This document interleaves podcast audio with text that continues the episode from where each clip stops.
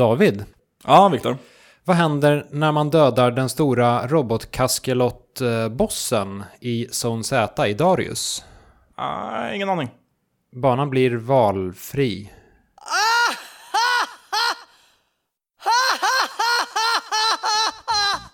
I säsongens sista avsnitt av Loadings podcast pratar vi om samtliga 21 spel som ingår i SNES Classic Mini.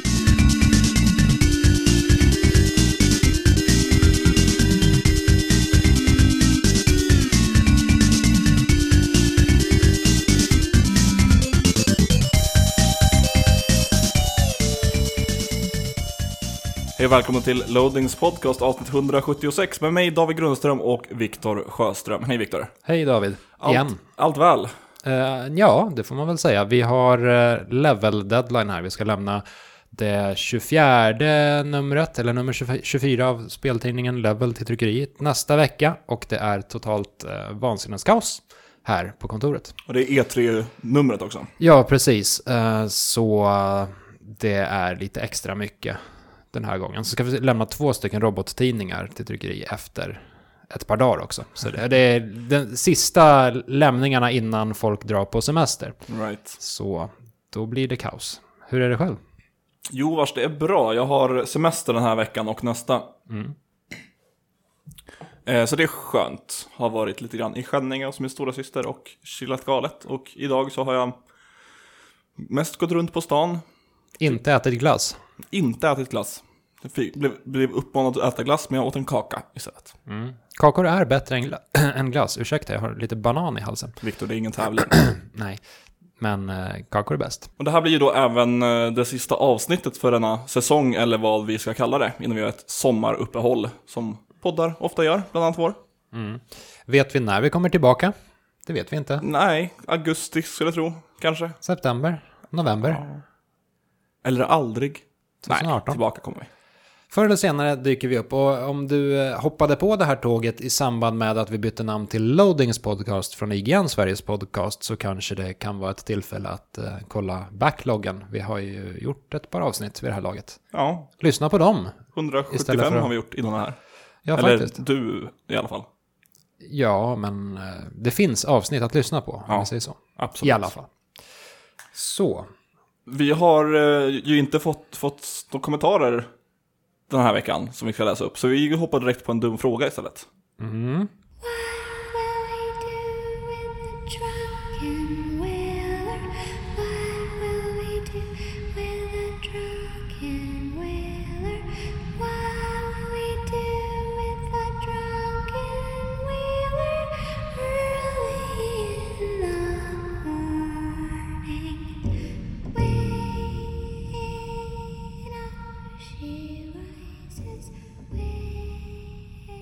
Dumma frågan lyder, vilket spelföremål skulle du helst vilja äga i verkligheten? Mm. Det här är ingen dum fråga egentligen. Det är ju en ganska drömsk fråga. Men nu, nu heter segmentet Dumma frågan. Just det. Vi får leva det, med det. Vi, ja, vi har målat in oss i ett hörn här. På tal om måla, kanske då en eh, Splatoon-pistol. Eller roller eller någonting. Mhm. Men får du bara föremålet då, eller får du även möjligheten att bli en bläckfisk? I och för sig, för förmågan att förvandla sig till en bläckfisk och simma runt i färgen kanske inte är kopplat till vapnena. Nej, jag tänker mig att det är lite grann som det här, om du kan få en superhjälte eh, förmåga, vilken Mm. tar du? Ja, ah, Wolverines klor, men då har man inte läkande förmågan. Det är Nej. lite jobbigt. Och då har man heller inte adamantiumet. För han har ju benklor i grunden. Ja, just det. Och då är det ett helvete att fälla ut de här klorna. Spretigt och jävligt.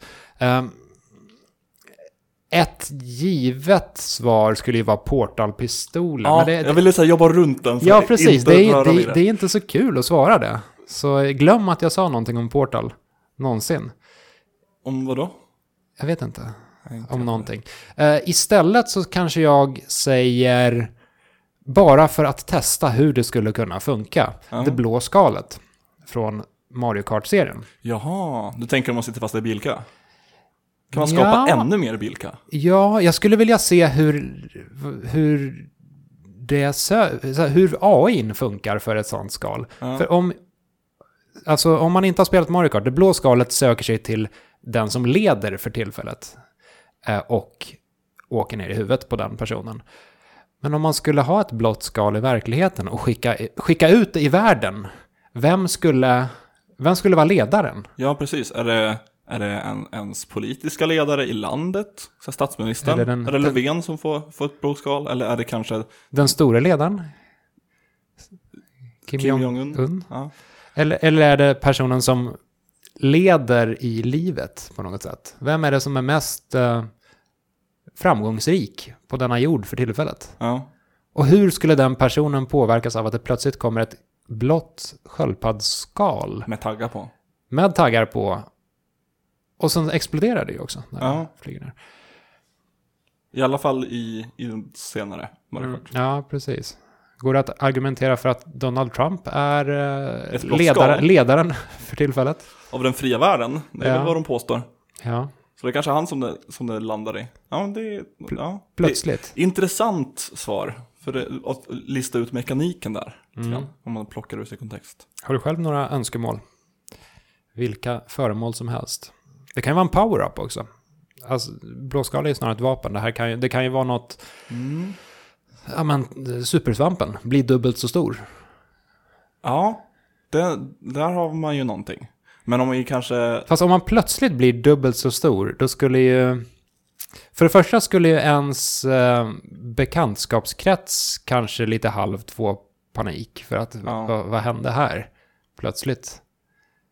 Ja, man blir väl till och med alltså, dubbelt så lång. Det är inte dubbelt så stor. Det är, för det hade ju blivit, tänker jag, på bredden också.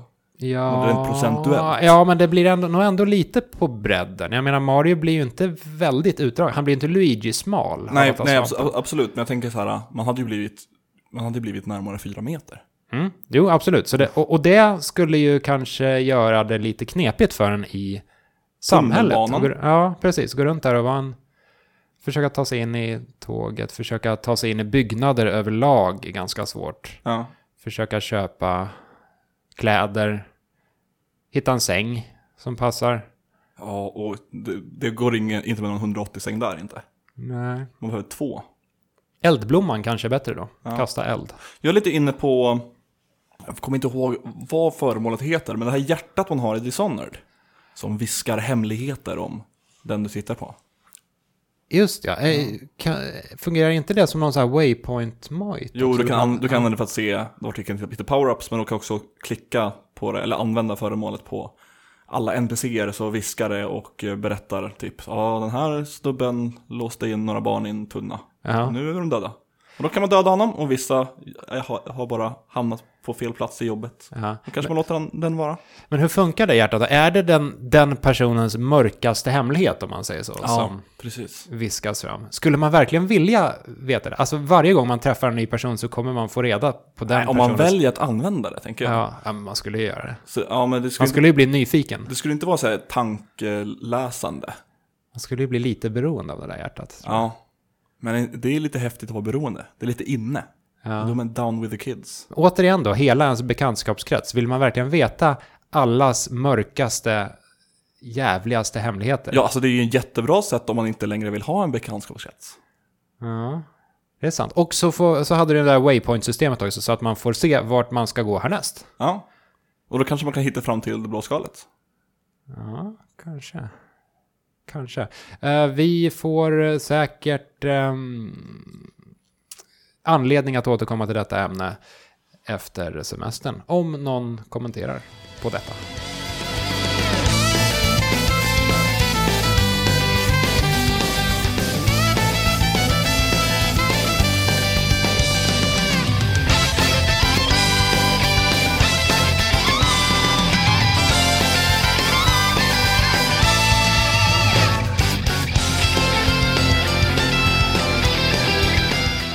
Du var lite inne där på att förklara det blå skalet för lyssnare som inte har spelat Mario Kart. Viktor. Ja, Ja, och det, det är ju lite konstigt eftersom som, som, det är så många som spelar Mario Kart. Det här är en liten ha- halvtaskig segway in på nyhetssegmentet.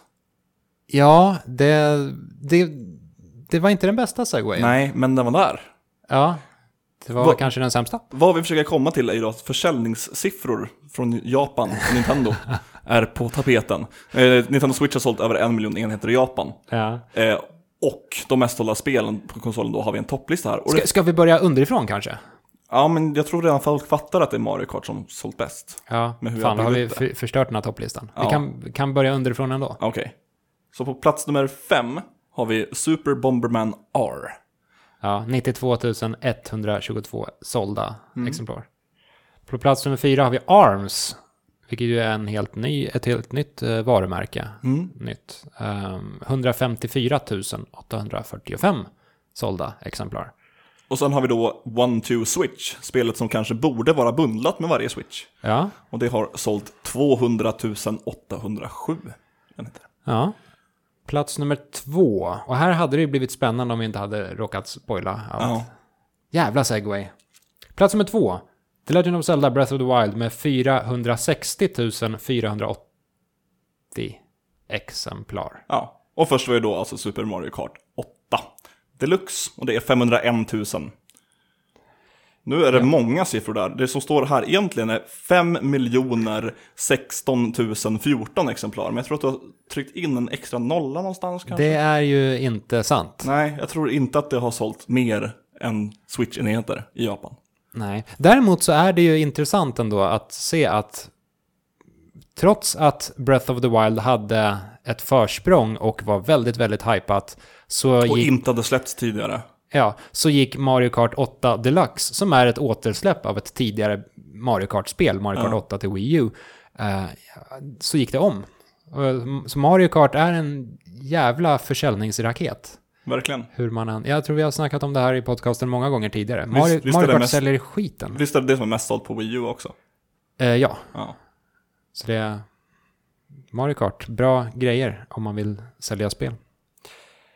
Vi har även en eh, annan nyhet, nyhet nummer två. Sega har meddelat att man kommer att släppa soundtracket till Sonic Mania på vinyl. Och det här, Äntligen. nu händer det. Det blir åka av.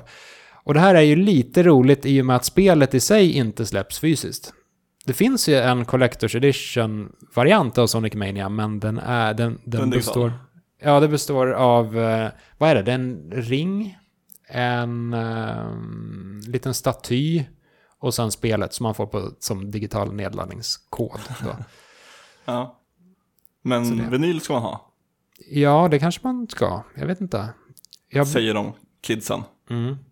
Jag eh, blev ganska peppad på Super Castlevania 4 soundtracket på vinyl som det snackades om alldeles nyligen.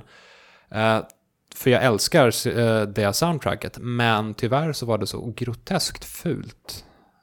Det omslaget. Och jag, jag har ingen LP-spelare, så jag har egentligen ingen anledning att ha en vinyl annat än att ha den som prydnad. Ja, Om jag- den då ser ut som skit. Så. Ja, jag har fem vinylskivor hemma. En undanstoppad och fyra stycken är, utställningsexemplar. De är inte ens avplastade. Liksom. Mm.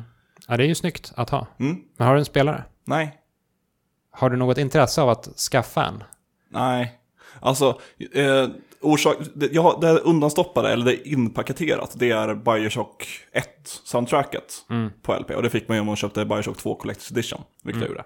Ehm, och sen så fick jag två stycken Jack White-skivor. Han har ju gjort två soloplattor. Fick jag av en kompis när han hade varit i USA. Köpt. Eh, för att jag gillar Jack White. Men jag har ingen spelare som har bara varit inplastad och varit så, så här, ja, utsmycknande prydnad. Och sen så en gång på en punkkonsert så ville jag köpa allt som Honingbarna ställde ut. Och då köpte jag två stycken vinylskivor där också. Mm. Ja, det...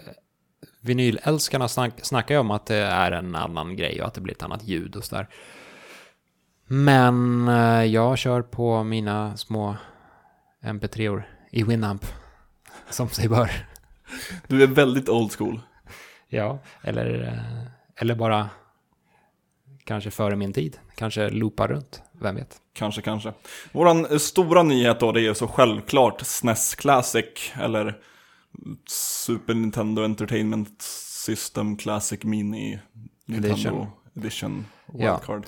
Så här, i vintras så släpptes det en minivariant av NES Mm. med 30 inbyggda spel för Ja. typ 800 spänn. Eh, Och nu den 29 september så kommer det släppas en Super Nintendo, en liten en med 21 stycken inbyggda spel.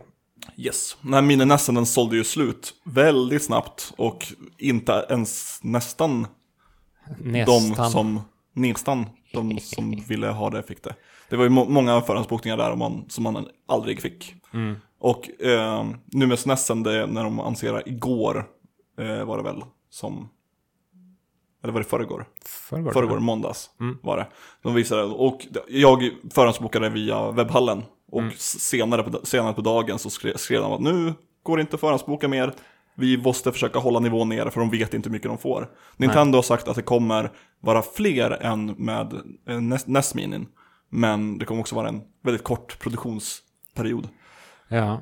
Det kostar 80 dollar i alla fall då. Om du mot all förmodan hör det här för första gången i podcasten och eh, känner för att försöka leta reda på en eh, förhandsbokning någonstans. Ja, lycka till säger jag. Ja, det känns som att de är, är eh, utsålda vid det här laget. Precis. Eh, det som är lite intressant här, tycker jag i alla fall, är spelen som finns med. Det är, Kanske specifikt Star Fox 2. ja, det är ju ett spel som inte har släppts tidigare, utan det gjordes klart under 90-talet, men sen eh, släpptes det aldrig, för Nintendo ville ha ett cleant break mellan 2D-eran på Super Nintendo och eh, 3D-eran på Nintendo 64. Så de, Ja. de plockade delar av Star Fox 2 och stoppade in i Lilat Wars istället, det vill säga Star Fox 64. Mm. Eh, Men Star Fox 2 var ett färdigproducerat spel och det har legat ute på internet och skvalpat runt i många år i form av en emulator-ROM som man har kunnat spela. Eh, Men nu kommer det alltså släppas officiellt och det är, det är lite kul. Det har gått 22 år sedan spelet blev klart och nu, nu är det dags. Nu, nu jävlar. Ja. Eh, Men det är även 20 andra spel här eh, på SNES Mini. Jag tänkte att vi kunde gå igenom listan lite snabbt och bara se om det är en bra, bra eller dålig grej att de ligger med. Och sen eh, lite kort se om det är några spel vi verkligen saknar. Mm. 1, 2, 3, kör. Kontra 3, kolon, The Alien Wars. Det är en jättebra grej att det ligger med. Mm, det vet jag att folk tycker om. Jag har ingen relation till Contra egentligen. Men, så, men det är väl vettigt att det är med. Ja, men du, kör, du har ju kört aldrig det? Super Ja. Pro Protector. Ja, jag har, eh, jag har emulerat och testat men jag har inte spelat Ja. mycket. Liksom. Fantastiskt actionspel och det har ett jävla tempo med massor med bossar framförallt. Det är en sån här bosskavalkad. Det är lite som ett eh, Platinum Games-spel långt innan Platinum Games fanns. All right. Ett spel jag har spelat väldigt mycket det är Donkey Kong Country och det är ju självklart att det är med. Mm. En av de stora. Ja, inte jätte liksom, perfekt i sin speldesign, men det har Väldigt snyggt. ja, Väldigt bra musik. framförallt väldigt bra musik. Musiken har åldrats mycket, mycket bra. Earthbound är ju ett legendariskt rollspel. Eh, och det är ett spel som många har missat, så det tror jag, det, tror jag är kul att ha Mm. med ändå. Och det känns väl rimligt att, att, eh, att det är med för det, är en så stor fanfavorit av de som spelat det. Eller Mother 3 som det heter i Japan. Mother. Final Fantasy 3, eller då Final Fantasy 6 som det är egentligen, Mm. men det het, hette Final Fantasy 3 i USA. Eh, det här är... Det är ju en fantastisk klassiker, men samtidigt så kan jag tycka lite... Alltså nu har ju både Final Fantasy 7 och snart även Final Fantasy 12 återsläppts med snabbspolningsfunktion. Och Ja. jag älskar den funktionen i gamla rollspel. För riktigt gamla rollspel, speciellt ett spel som Final Fantasy 6 då, som har random encounters, blir inte så kul att spela. För det, det är lite segt. Så jag vet inte om jag kommer spela det här. Nej, men det tycker vi illa om att det är med i samlingen. Nej, det, Nej, det är väl, en vettigt. bra grej. Så nästa, hör och häpna. F-Zero. Mm. Eller F-0. Jajamän. Ja. Det här går alltså i bokstavsordning, kan vi konstatera. Ja, titt. Är det du som har sorterat upp det? Eller Det låter jag osagt. Eller eh, nej, Nej. det var inte jag. Ja, men F-Zero tycker vi båda om. Det är självklart att det ska vara med. Ja, det, det har en väldigt... eh, Och även det har en fantastisk musik, Ja, tycker jag. Sen är ju F-Zero X ett mycket roligare spel. absolut. Men. Men det här är inte en N64 Mini. Det kommer nästa år. Precis. Mm. Du hörde det här först. Nej, du hörde det nog inte ens här först. Du, du har, hade räknat ut det med uh, lilltån vid det här laget. Ja. Men hur många spel får den då? För att eh, NES Minin fick 30. Den här eh, SNESen får 21. Får då 64 10. Nej, 10 till tror jag är lite för lite. Kanske, säg 15. Ja, kanske det. Du gissar 10, jag gissar 15. Ja. Den stora frågan här blir ju, vad gör de med kontrollen till Ni- Nintendo 64 Minin? ja. Eh, Gör de, ger de den en vettig spak? exakt, Nintendo 64 har en horribel analogspak. Det de, de skulle behöva göra är att ha samma kontroll men lägga in typ GameCube Ja, analogspaken jag har mitten spelat med sådana moddade 64-kontroller med GameCube-spaken. Ja, Det funkar jättebra. ja. Eller så är det en del av retrocharmen att anal- ja, analogspaken ska förvandlas till mjöl när man roterar runt Bowser i Mario 64. Precis. Var var vi nu då? Vi var på eh, Kirby. F-Zero. Ja, Kirby nästa. Kirby Superstar. Eh, ja, men det, alltså det... Det här är ett väldigt bra, antar jag, Kirby-spel, men jag har inte... Jag har inget vidare förhållande till Kirby. Jag tycker inte Kirby-spelen är så underhållande. Det här tror jag att vi till och med hade som avsnittsnamn någon gång. Ja, Kirby är för lätt. Kirby är roligast i Super Smash Bros. Ja, Kirby, Kirby är roligast som grafikdemo. Ja. Samma sak även då med nästa spel, Kirby's Dream Course. Jag vet inte vad det är för skillnad på de två. Ja, det är två olika spel. Jaha, okej. Men båda har med Kirby att göra. Mm. Kirby's Dream Course är lite mer golf-it. Okej. Medan Kirby Superstar är lite mer plattforms-it. Ja, Ja. jag hade kunnat klara mig utan båda Kirby-spel. Det Men kanske är jag, vettigt att ta med ett av dem. ja, då skulle jag säga ha med Kirby Superstar istället för Kir- Kirby's Dream Ja. Course. Men vad ska vi byta ut Kirby's Dream Course med då? Jag saknar Axely. Det vore ju fantastiskt. Ja. Jag, har, jag saknar även några Är, andra det, spel. är det det här typ plattforms och strategispelet? Nej, det är Actracer. Actracer. Det Eh, vill jag ha in. Ja, Actracer är coolt. Axely är Konamis um, shoot 'em up, när hälften av banorna ses bakifrån och hälften från sidan. Och så har den en berömd eldboss som heter Whaler, som spottar eld. Okej. Skitbra. Nä, nästa spel då? Det är jag lite tveksam till. Varför Ja. de ska ha med den här eh, The Legend of Zelda Link to the Past. Du tycker inte det ju platsar? Det är ju uppenbart att det ska vara med. Och det, det, det är ett spel som man faktiskt kan ha väldigt roligt med idag. Det är ett spel som har åldrats väldigt väl. Ja. Till skillnad från många av de här, alltså till exempel Final Fantasy 6 eller F-Zero som kanske inte är så jättekul att spela mycket av idag, utan snarare är kul att se tillbaka på lite nostalgiskt, så är Och kanske lyssna på. ja, Zelda 3 är fortfarande ett skitbra spel som man kan köra igenom från början till slut. Mm. Mega Man X. Är det också ett skitbra spel man kan köra igenom från början till slut? Mm. Eller varva som det heter. Klara ut. Klara ut. Usch. Ja, Secret of Mana. Mycket bra spel också. Det här öppnar ju dock upp frågan hur det blir med handkontroller. För det följer med två handkontroller med SNES Mini, om jag har förstått det hela rätt. Men Secret of Mana kan man ju vara tre på, Hur då? som max. Med hjälp av en uh, multitap Ah. som man kopplar in. Eller kopplade in på Super Nintendo. Och det här var ju en av spelets absolut coolaste features. Kör tre pers i ett eh, spel som är som en blandning mellan Zelda och eh, typ Final Fantasy. Mm. Och då vill jag ju kunna göra det på min SNES Mini också. Nej, du får spela med två.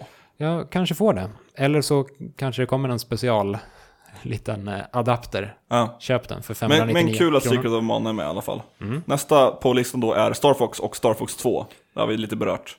Det Ja. är klart Star Fox ska få vara med och det är kul att Star Fox 2 släpps. Ja, jag kan dock tänka mig att Star Fox är ganska svårt att, ehm, Ja, det är- att liksom åter... Eller inte återupptäcka. Det är inte kul att gå tillbaka till. Nej, men att upptäcka för första gången, det måste vara horribelt. Jo, För det är ju ett eh, fult 3D-spel från en era när polygoner utan texturer i en framerate som var som en PowerPoint-presentation ändå var en ganska cool grej. Och det är inte en cool grej nu. nej. Så jag tror, jag tror inte att Star Fox är jättebra idag, om man inte spelade det då. Jag tycker fortfarande att Star Fox är kul för att jag, jag lever på gamla meriter på något sätt. Jag lever på, ja, det är muskelminnet snarare än speldesignen som tar mig igenom det. Så, Super, nej inte Super, utan Street Fighter 2 Turbo colon Hyper Fighting. Mm. det är en bra grej. Det är väl en av de två Street Fighter 2 som släpptes till, till SNES. För visst var det en som inte var turbo som släpptes också? Vanliga. Ja, precis. Det var. Street Fighter 2 och sen var det Street Fighter 2 Turbo och sen var det Super Street Fighter 2. Och Super Street Fighter 2 Turbo kom inte till SNES. Ja. Det som är kul här är ju, eller det som är relevant är ju kanske att man kan eh, ändra på hastigheten. Alltså Street Fighter 2 var ju ett fantastiskt beat em up-spel i Ja. grunden, men i Turbo så kunde man även ställa in hastigheten och eh, i och med att Street Fighter 2 är ganska segt med dagens mått mätt så är det bra att kunna vrida upp speeden lite grann. Och det tror jag inte man kan göra i det här Ultra-varianten som släpptes Switch härom, häromsistens. Rätta mig om jag har fel, men jag tror inte det. Det får vara lyssnarnas uppdrag att rätta dig. Det blir kul. Eh, vinyl är det inte på, men Super Castlevania 4 finns Mm. i samlingen. Jag älskar Super Castlevania 4. Det är ett av mina favoritspel. Det har en så härlig, eh, dyster, eh, hopplös stämning som samtidigt är väldigt vacker. På sätt och vis påminner lite om eh, Lords of Shadow som också var ganska, ja men, sorgligt på sätt och vis. Eh, sen tror jag att det här är lite för eh, svårt och klumpigt för att man ska kunna uppskatta det som ny spelare. Ja, kanske. Det är lite mer mekaniskt än Castlevania. I och med att du kan rikta piskan. Mm, Men samtidigt, det har inte alls samma smidighet som typ Symphony of the Night Nej. och de. Det har ett otroligt bra soundtrack dock, och det som är så imponerande är att det här var ett av de första spelen till Super Nintendo. Så det här var väldigt tidigt under Super Nintendos livscykel och det har ändå ett av de absolut bästa soundtracksen under hela, hela eran. Det är beundransvärt. Jag är, ja, det, du var nästa i och för sig. Vi har nästa, Super Ghosts and Ghosts. Ja, nej. Ja, jag håller med. Det här Jag, kan vi byta ut. jag skulle gärna, eller det, det stör mig inte att det är med, men jag kan gärna byta ut det. Ja. Det är småklumpigt och det, det är svårt. Chrono Trigger. Ja, Chrono Trigger borde, borde in. För det finns inte på den här listan. Nej, och ärligt talat så är Chrono Trigger bättre än Final Fantasy 3 slash 6. Så in med Chrono Trigger för all del. Härnäst. Då är det Super Mario Kart. Mm. Det är väl vettigt att det är med, men det är också ett spel som inte åldras väl. Mario Kart blir ju bra i och med Mario Kart 64.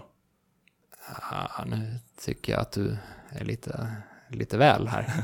Det, Mario Kart 64 var också ett av mina första spel. ah, Som, eller, det var första Nintendo-spelet jag hade i mitt hushåll. ja.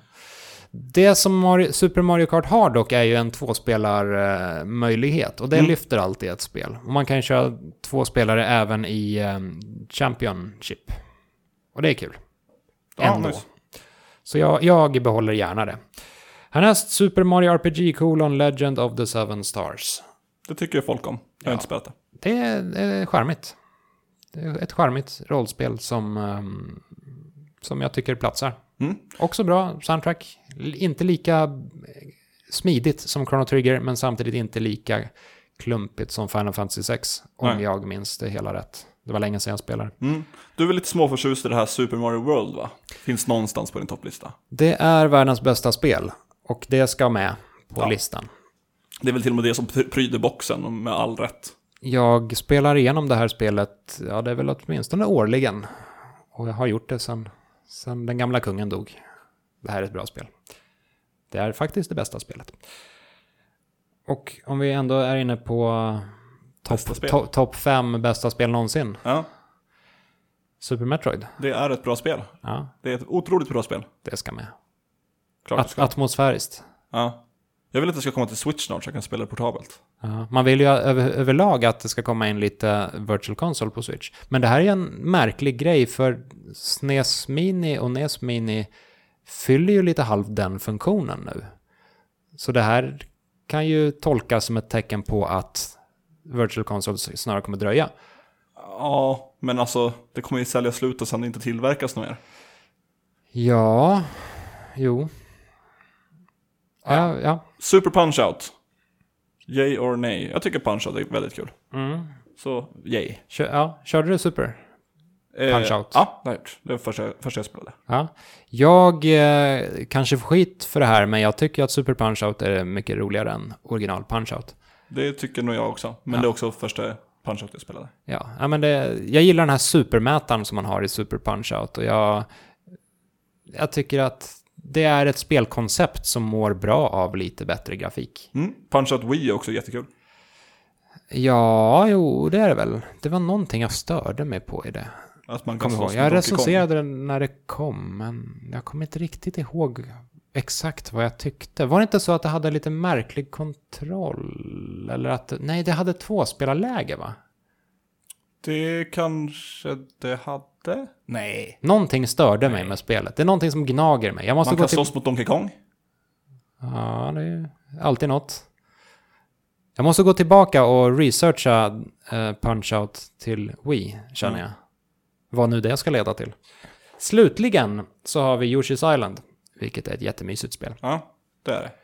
Fint Eh, där också. Ja, det är ju inte Super Mario World bra, men det är ett av de gulligaste spelen genom alla tider. Ja, Och det har ett soundtrack som man kan nynna på än idag. det stämmer. Och därmed så har vi nått änden av listan. Köp den här konsolen om du hittar den.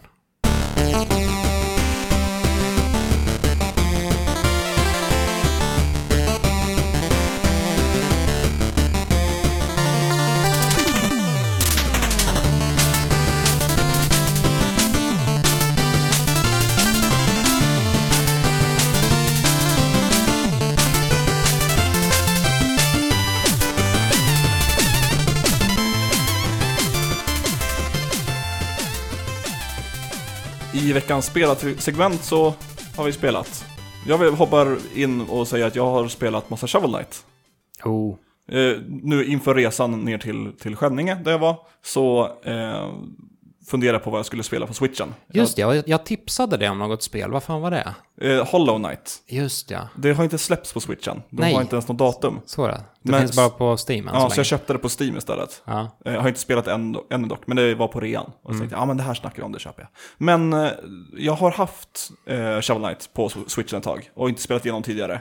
Och när jag hade startat när jag köpte spelet så fastnade jag på en av de första bossarna, Spectre Knight. Mm. Eh, och kom inte vidare och sen så fortsatte med Zelda istället för att Zelda är kul. Mm. Men nu, nu har jag spelat en himla massa, så jag är på Enchantress, sista bossen, om det inte är någon stor plot twist på gång. Mm. Eh, som jag försöker kämpa med. Det är skitbra. Det är nästan bara en boss, boss rush. ja.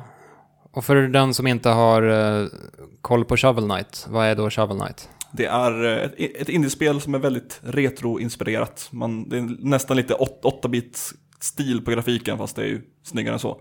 Eh, och man spelar som en riddare med en liten skyffel. Mm. Jag, tycker kän- ja, jag tycker det känns som en blandning mellan Mega Man, DuckTales och Super Mario Bros 3. Ja, kartan är lite så här Super Mario Bros. Och det är lite plattformsmoment. Ducktails för att man kan hoppa på sin spa, spade på fiender och, och så vidare. Och Mega Man för att bossarna, Ja, det har åtta stycken eh, bossar som är olika knights ja. som man får välja mellan. Ja, det är sjukt, sjukt eh, bra. Mm. På tal om bra soundtracks också. Ja, verkligen. Det är jättebra. Mycket, mycket. Så Grym. det vill jag nämna. Du har spelat en massa. Ja, lite, lite snabbisar då. Jag har spelat ett spel som heter Moonhunters och det var ju konstigt ja, det, gjort av mig ändå. Det, det här är småspel som jag har spelat tillsammans med mina vänner på mm, vår lilla spelträff som vi har då och då. Vi sitter och couch-co-opar. Um, Moon Hunters är något, jag vet inte riktigt hur jag ska beskriva det ens. Det är någon lite halvt Diablo-aktig historia där man spelar om spelet om och om igen. Jag för mig att storyn går ut på att man ska hitta månen, för månen har försvunnit.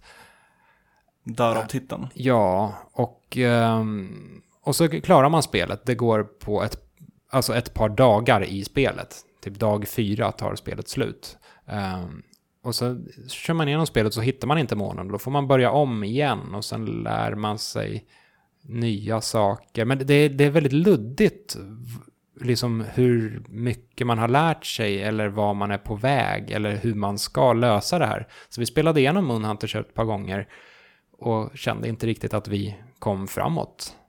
Så då bytte vi spel istället till, eh, och vad heter det då? Neon Chrome tror jag heter. Okej. Testat det? Nej. PS4-spel, litet eh, pyttespel, indiespel. Eh, det är en typ eh, top-down eh, twin stick shooter i grunden. Ja. Eh, där man går runt i någon framtidsskyskrapa eh, och mörsar. Eh, och så är det ganska svårt och så dör man Men det samlas ihop pengar medan man kör sin runda och de pengarna kan man spendera på permanenta uppgraderingar så att man uppgraderar vapenskadan lite grann och så kör man en till runda. Ja, och, så dör man. och det, det finns någonting som tilltalar mig där, att sakta nöta ner ett spel och få värre och värre uppgraderingar. Mm. Det, det är någonting tillfredsställande i det. Och så har det ganska bra soundtrack också.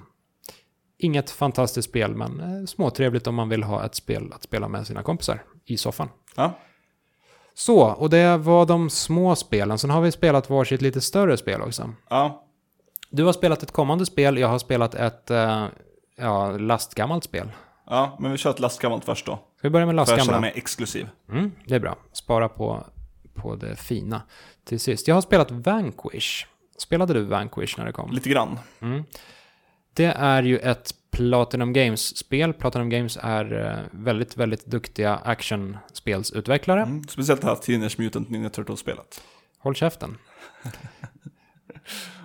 Som de drog bort från PS Store och Steam och allt vad det var. Det var lika bra, Ja, kan man konstatera. Eh, Vanquish däremot är en... ka- i, I grund och botten är det väl en coverbaserad shooter som släpptes till den förra generationen. ja, Eh, men till skillnad från typ Gears of War och liknande så är det ett väldigt rörligt spel. En stor, eh, en stor feature i spelet är att man kan sätta sig på knä och boosta. Man glider på knä helt Ja. enkelt. Som en gitarrhjälte. det ser svincoolt ut också. Ja. Och det belönar att spela aggressivt. Ja, och så kan eh, man sakta ner tiden också samtidigt som man gör det och så skjuter man alla och så glider man runt mellan olika skydd. Eh, Det har en väldigt, väldigt bra, väldigt bra strider helt enkelt. Det, och jag köpte ju det här spelet, det här spelet släpptes till PC nu härom sistens. Eh, Och jag köpte det inte till PC utan jag köpte det till, till 360 istället. Ja, För jag, jag vet inte, jag fick ett ryck om, ryck och ville köpa lite gamla spel billigt till min 360. Ehm, och det är lite kul att gå tillbaka till den här typen av spel, för alltså, man glömmer så snabbt hur det var förr. Och, alltså Vanquish är inte så många år tillbaka bakåt i tiden. Men när det släpptes så var ju coverbaserade shooters, det var ju typ normen. Alla spel var coverbaserade shooters. ja verkligen. Och så är det inte längre. Nu är alla spel open world-spel istället. Ja, jag föredrar nog cover shooters. Det går snabbare, om inget annat. Ja, Men det, det, det, det är intressant, för det känns, det känns oväntat retro att gå tillbaka till den här genren. Och så här, Åh, kommer du ihåg när alla spel var baserade på Unreal Engine 3 och gick ut på att gömma sig bakom midjehöga boxar, typ. ja. Eh, så jag, det, det känns fräscht på så sätt. På ett oväntat sätt. Sen är miljöerna ganska tråkiga. Man är på en typ rymdbas och sen är det inte så mycket mer. Det är lite metall. Ja. Eh, storyn är dum i huvudet. eh, men den, eh, den utger sig väl aldrig riktigt för att vara något annat än dum i huvudet. Och eh, många av karaktärerna är så, så här extremt dum macho-coola att det, det faktiskt blir ganska underhållande. De pratar med extremt raspiga röster och röker hela tiden. Och, ja, de röker eller skjuter med eh, miniguns. Det är Ja. typ det de gör. Det är som jag när jag var tonåring. Ja, eh, så jag, eh, jag gillar det här spelet.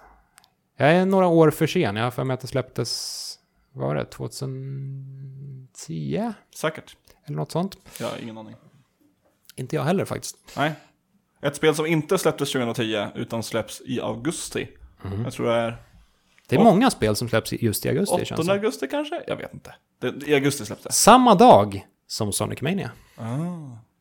Är det 8 augusti eller vet att det är... Nej, jag vet bara att det är samma dag. Okej, ja. Hur som helst, jag har spelat Agents of Mayhem.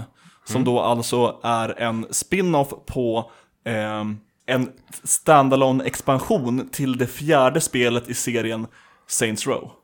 Jag ville göra det lite komplicerat. Det där är något som man ska sätta på baksidan av boxen. Ja. Men Saints Row 4 fick ju en st- standalone expansion som heter Gat Out of Hell. Eh, och i den så finns det typ fem olika slut. Varav ett så skapar Gud om hela världen och alla Saints är typ poliser och skit. Eh, Och det slutet har nu blivit en ny spelserie. Eller ett nytt spel i alla fall, som heter Mm. Agents of Mayhem. Mm. Det är ett eh, single player-spel. Där du tar rollen som 12 olika agenter. Och det här är typ lite, lite skurkiga agenter. De är, de, är inte, de är inte the good guys, utan taglinen för spelet är bad versus evil.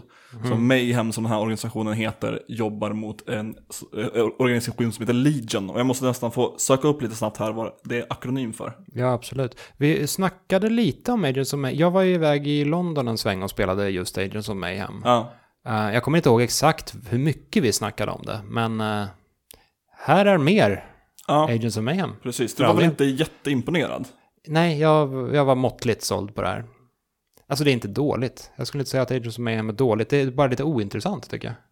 Ja, jag känner väl typ någonting liknande. Det är helt okej att spela, alltså helt okej kul att spela. Det har ju Saints Row-humorn. Mm. Eh, mycket over the top i design och det finns ett så här, sidouppdrag för en av de här 12 agenterna. Man har spelat tre samtidigt och växlar mellan, eh, mellan de här.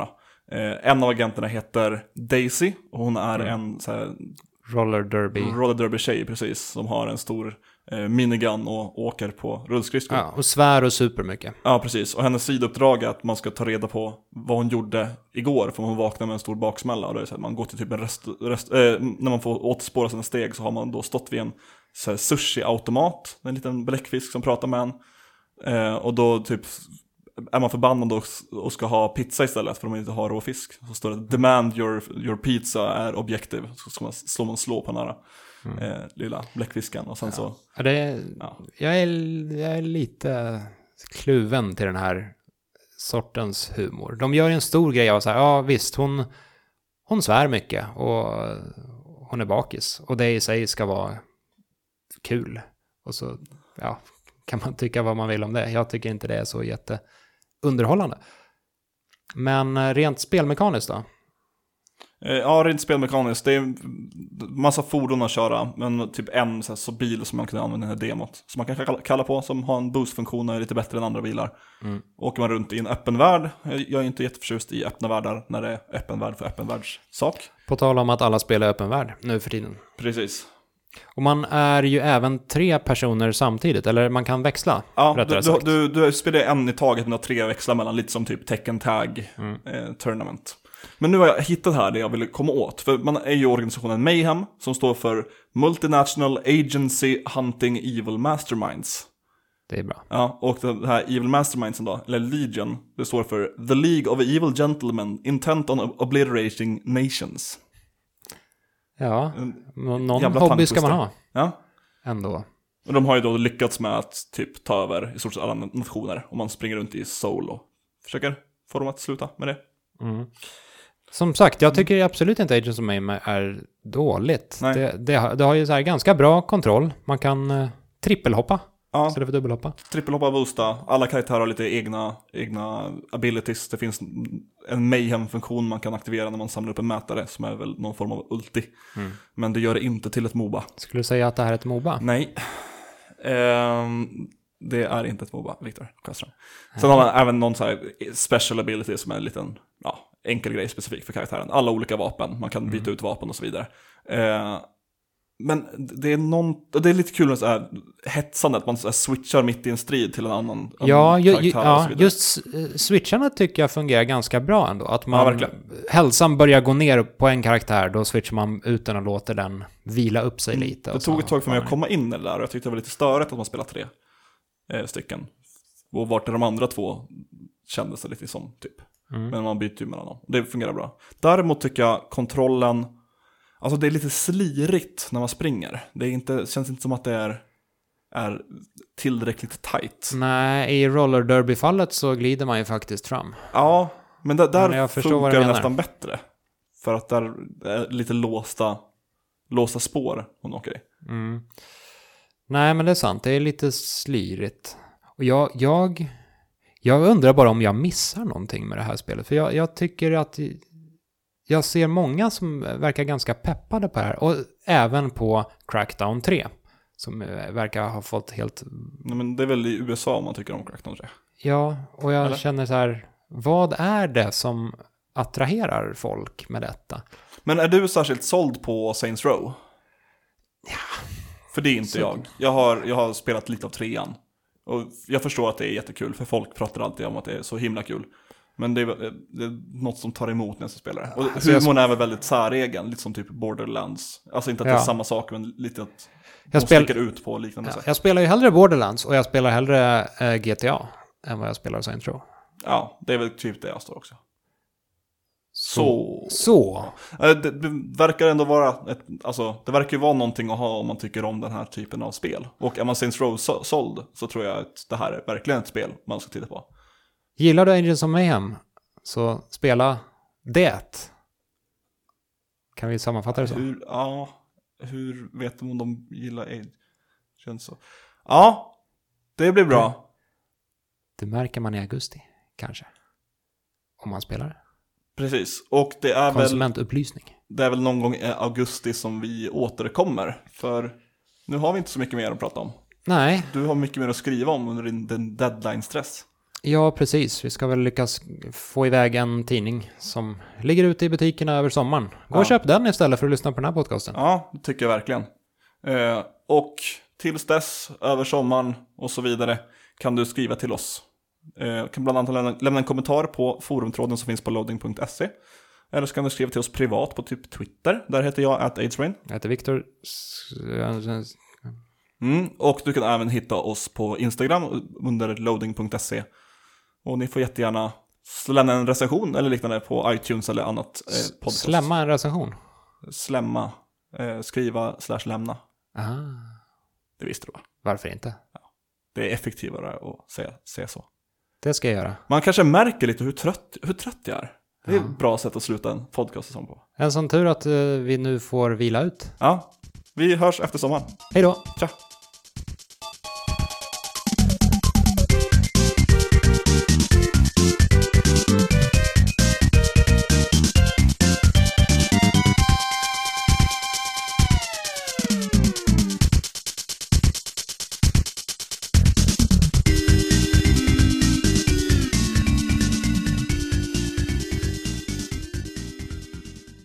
Kom vi fram till förresten att detta är det sista avsnittet innan semestern? Det där, In- Innan vår just semester? ja, det kom vi väl inte riktigt fram till. Nej. Eh, Vad tycker du, kära lyssnare? ja, ja. men ska vi Det- säga att det här är sista? Eller? Eller vill du göra till? Eh, jag... Ja, du kan... Mm. Ja, Det blir en sista podcast innan sommaruppehållet och i avsnitt nummer 170... Nej, det här blir inte bra överhuvudtaget.